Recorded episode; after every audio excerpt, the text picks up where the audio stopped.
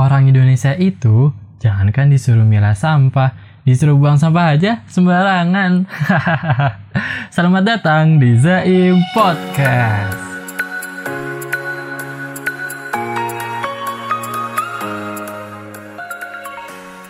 Oke, Assalamualaikum warahmatullahi wabarakatuh. Halo teman-teman semua, apa kabar? Semoga selalu dalam keadaan yang sehat dan terus semangat dalam menjalani hari demi hari. Ada pepatah nih yang bilang, tak kenal maka tak sayang.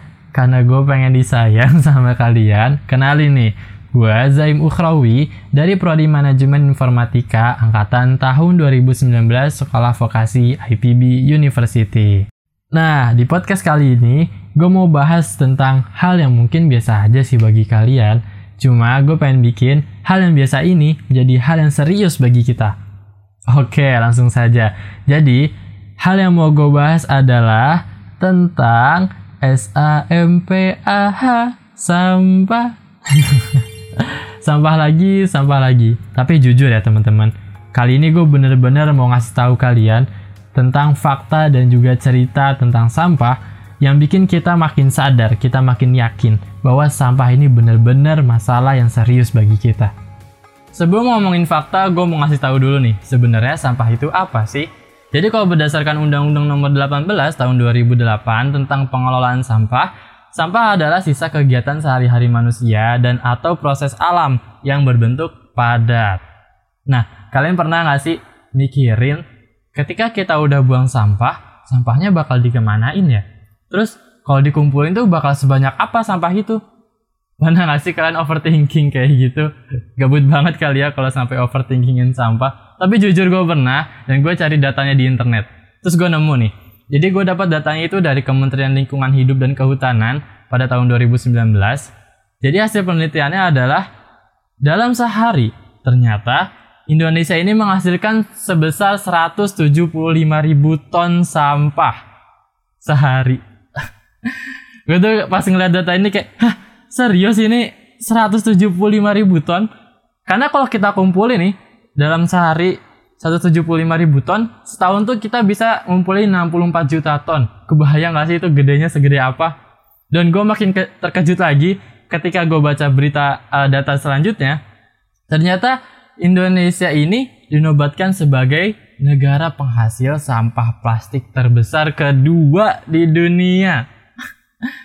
ya mungkin kalau Indonesia nomor dua terbesarnya itu se Asia Tenggara wajar kali ya, karena kan Indonesia termasuk negara yang besar gitu di Asia Tenggara. Cuman ini di dunia loh, aduh, kita tuh ngalahin negara-negara yang luas juga kayak ada uh, Rusia, terus Amerika Serikat, terus Kanada itu negara-negara besar tuh kita kalahin dalam jumlah sampahnya. Dan parahnya lagi, 8 juta ton sampah plastiknya itu dibuang ke laut setiap tahunnya. Itu tuh sama aja kayak lu buang 20 pesawat Boeing 737 yang gede banget itu setiap jam. Jadi lu, aduh kebayang gak sih parahnya kondisi laut di Indonesia? Sampah sebanyak itu ada di laut. aduh mungkin di antara lo ada yang gak percaya ya. Cuman serius ini gue nemuin datanya. Jadi ini tuh hasil studinya Gina Jimbeck dari Universitas Georgia, Amerika Serikat di tahun 2015. Terus gue nemuin hasil penelitian lagi nih. Kali ini penelitiannya dilakukan oleh World Economic Forum dan Ellen MacArthur. Jadi di tahun 2050 nanti diprediksi jumlah sampah yang ada di laut itu melebihi jumlah biota lautnya.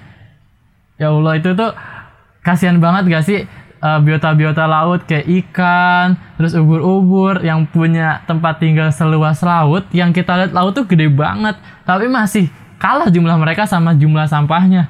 Ini parah banget sih kondisinya dan gue kayak ngerasa fix ini kita harus ngelakuin banyak tindakan untuk mencegah terjadinya permasalahan-permasalahan sampah. Terutama di Indonesia dulu deh.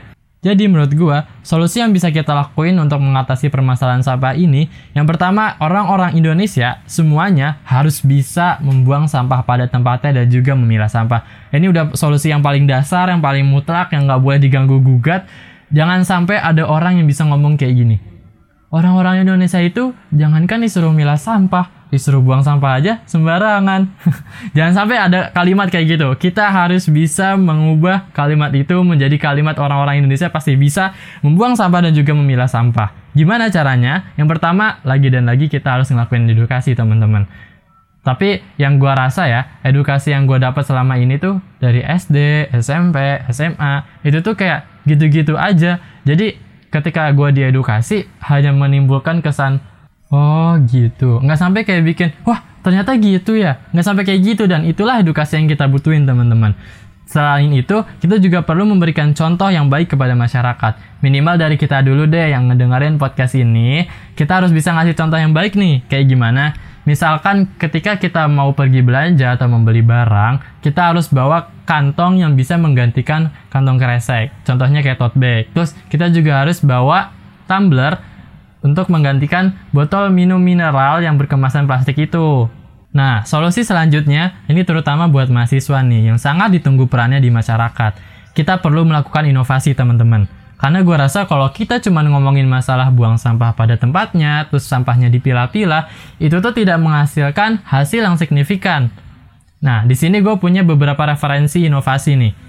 Jadi, di Fakultas Teknik UGM, itu telah dilakukan penelitian untuk mengembangkan mesin pencacah plastik kresek yang hasilnya dapat digunakan sebagai bahan campuran aspal. Keren kan? Terus Gue juga nemu nih ide mahasiswa yang pengen bikin aplikasi bank sampah yang terintegrasi dengan bank konvensional. Dan menurut gue, kalau udah ada hubungannya nih sama bank konvensional, itu bisa lebih menggiurkan masyarakat untuk menggunakan aplikasi ini. Gue juga nemu ide untuk membuat aplikasi jual beli sampah. Jadi kalau sampahnya bisa dijual, kenapa harus dibuang? Dan menurut gue ini juga ide bagus sih, karena selain bisa mengurangi jumlah sampah yang dibuang, ini tuh bisa meningkatkan perekonomian masyarakat. Solusi selanjutnya, gue rasa kita perlu nih untuk mendukung kebijakan pemerintah tentang permasalahan sampah. Contohnya, pada kota-kota besar di Indonesia seperti Jakarta, Bogor, dan juga Depok, sudah diterapkan pelarangan penyediaan kantong plastik di swalayan dan pusat perbelanjaan. Jadi, pembeli yang datang tuh harus membawa kantong sendiri untuk membawa barang-barangnya. Nah, kita perlu nih mendukung kebijakan yang kayak gini. Dan gue harap pemerintah Indonesia mengeluarkan kebijakan lainnya untuk menangani permasalahan sampah. Contohnya ya, kalau di Korea, warganya itu diwajibkan untuk memilah sampahnya terlebih dahulu sebelum dibuang. Jadi yang pihak mengumpulkan sampah itu yang pakai truk-truk itu tahu kan? Nah itu tuh mereka nggak nerima sampah dari warga di Korea sebelum dipilah dulu. Terus pemerintahnya juga memberikan biaya pengelolaan sampah yang besar.